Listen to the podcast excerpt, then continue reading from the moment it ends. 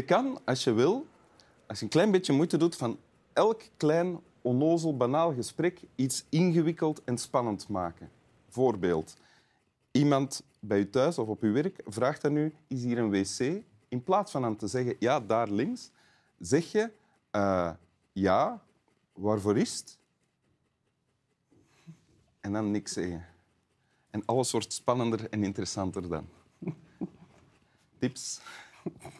Welkom in Winteruur, Helene de Bruyne. Dank je. Namens Swami Bami, de hijgende hond. Ja, heel hard aan het hijgen. Naar het schijnt heeft hij net een vrouwtje gezien. Ja, klopt. Ja.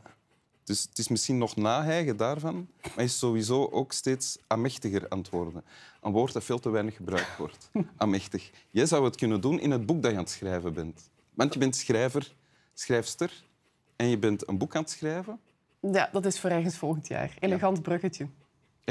Dank u.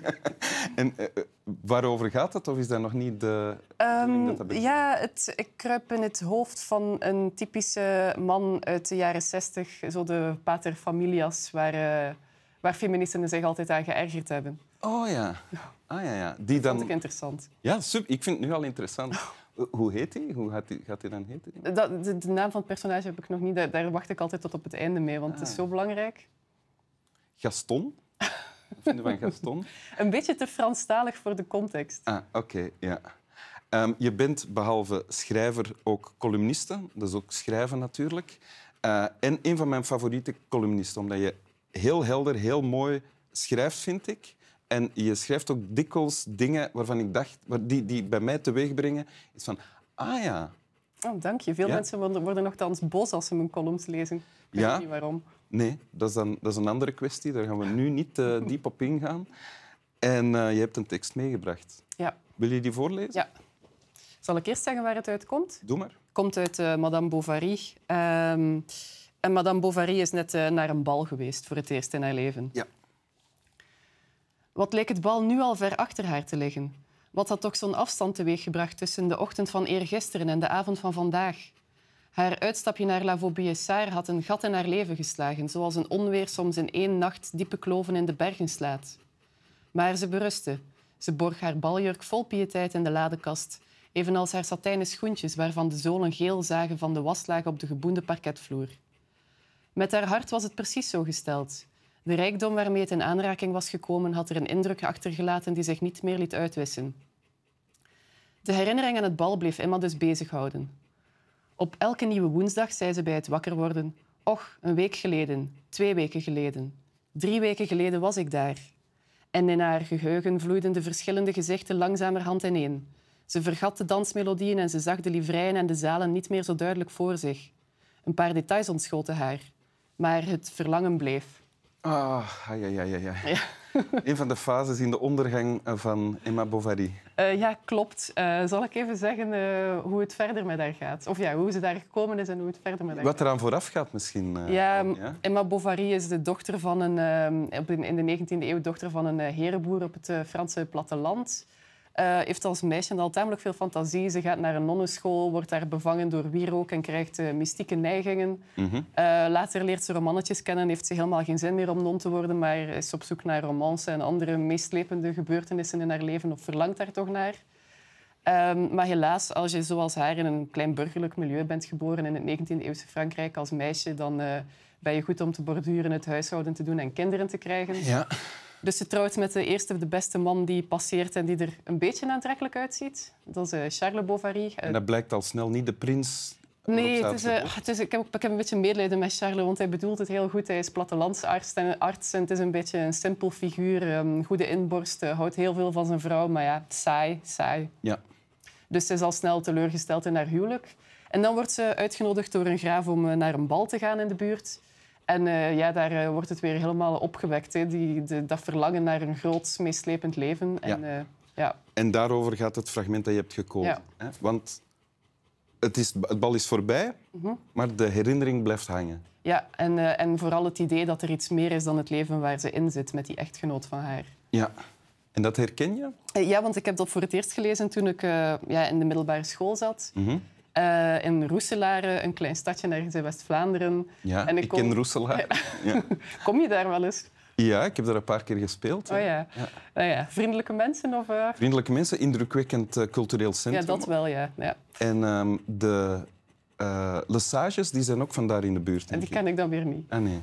Of die, die komen daar dan toch kijken ook. Nu ja, in elk geval... Um... Rodenbach, is dat ook niet ja, van? Ja, Rodenbach ja. staat overal met zijn duif. Of ja, blauwvloed. Het is blauwvoet, het is geen duif. En uh, excuses, ja. de Vlaamse nationalisten uh, gaan mij om de oren slaan. dat deden ze misschien toch al, dus ja, dat niet zo ja, op mijn, op mijn school werd er de hele tijd met Rodenbach en Guido Gezelle gepronkt en zo. Dus ik kan je voorstellen dat ik daar... Uh, ontsnappingsneigingen van kreeg. Um, ik, toen ik zei Rodenbach, dan dacht ik eigenlijk aan het bier. Dat, was, dat smaakt een beetje naar, um, naar kots dus, dus, ook dat was al geen groot succes. Dus ja, ik was, uh, ik was een tiener en ik had zin in een groot en meeslepend leven. En ik kon mij heel erg inleven in, in, in Emma Bovary, die ja. droomde van meer. Want je ervoer je omgeving ook als beknellend? Uh, ja, een beetje wel. Ja. Het heeft niet aan mijn ouders gelegen. hoor. Dat zijn uh, hele leuke mensen, maar uh, alles daaromheen vond ik toch een beetje beperkend. Wat was dat, alles daaromheen? Ja, de school en de hele sfeer. En ja, pubers zijn zo... ja, als je een beetje raar doet, dan is het al meteen te gek. En als meisje moest je toch ook vooral mooi zijn en je haar kammen. En dat was onmogelijk met mijn haar. Had je vrienden en vriendinnen of was je redelijk geïsoleerd? uiteindelijk toch wel een paar goede vrienden. Maar dat heeft toch een paar jaar op zich laten wachten voor ik die gevonden heb. Ja, ja. Maar je zei dat het toen het geval was. Toen las je ook uh, Madame Bovary. Ja. Uh, is het dan nu nog zo? Uh, nee, want ik ben dan ontsnapt. En uh, ja, Madame Bovary was natuurlijk een vrouw uit die tijd dat nog geen stemrecht kon, geen eigen bezittingen hebben. Die, die zat echt opgesloten in die situatie. Uh, gelukkig zijn de tijden veranderd. Ah, dus ja. ik kon gewoon naar een grotere stad gaan en gaan studeren. En naar alle bals gaan die ik wilde. Is dat, zie je dat als het belangrijkste verschil of het grootste verschil tussen jou of jouw situatie en die van Emma Bovary? Dat jij kan of kon ontsnappen? Ja, er zijn, ja, ik denk het wel. Er zijn natuurlijk mensen die zelfs als ze ontsnappen altijd ontevreden zullen blijven. Maar met, met de Emma Bovary zullen we het niet weten, hè, want die kon niet ontsnappen.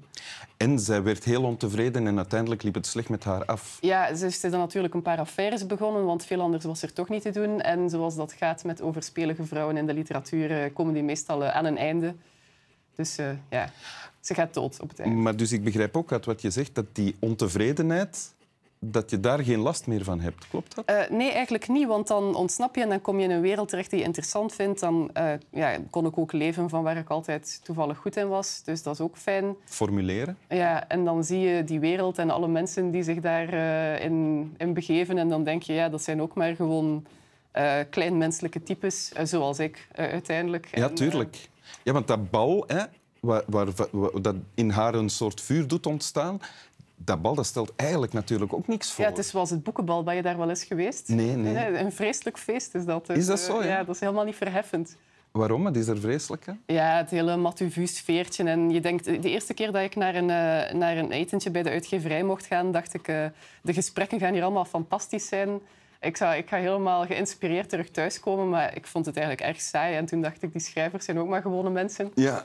Dus de, de drang om te ontsnappen was daarmee wel gedood, denk ik. Dus als Emma Bovary in staat was geweest om te zien dat de betovering van dat bal dat dat allemaal maar illusie was, dan was het misschien niet slecht met haar afgelopen. Dat, dat denk ik wel. Maar ja, zoals ik zeg, er zijn altijd mensen die nooit tevreden zullen zijn. Maar, ja. Plus dat dat misschien een minder interessant boek opgeleverd Ja, sowieso. het is toch leuker als je ze op het einde kan laten doodgaan uh, van ellende. ja, wil je het nog eens voorlezen? Dat is goed. Ja, het boek zelf heb ik denk ik uitgeleend, dus ik kon het niet meer vinden. Dus ah, vandaar ja. uh, dit ding. Akkoord. Wat leek het bal nu al ver achter haar te liggen? Wat had toch zo'n afstand teweeggebracht tussen de ochtend van eergisteren en de avond van vandaag? Haar uitstapje naar La Vaubyessard had een gat in haar leven geslagen, zoals een onweer soms in één nacht diepe kloven in de bergen slaat. Maar zij berustte. Ze borg haar baljurk vol pietijd in de ladekast, evenals haar satijnen schoentjes waarvan de zolen geel zagen van de waslaag op de geboende parketvloer. Met haar hart was het precies zo gesteld. De rijkdom waarmee het in aanraking was gekomen had er een indruk achtergelaten die zich niet meer liet uitwissen. De herinnering aan het bal bleef Emma dus bezighouden. Op elke nieuwe woensdag zei ze bij het wakker worden... Och, een week geleden, twee weken geleden, drie weken geleden was ik daar. En in haar geheugen vloeiden de verschillende gezichten langzamerhand ineen.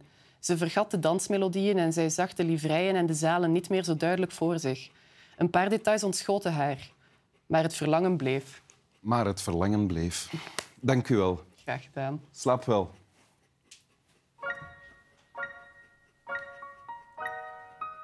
Klaar.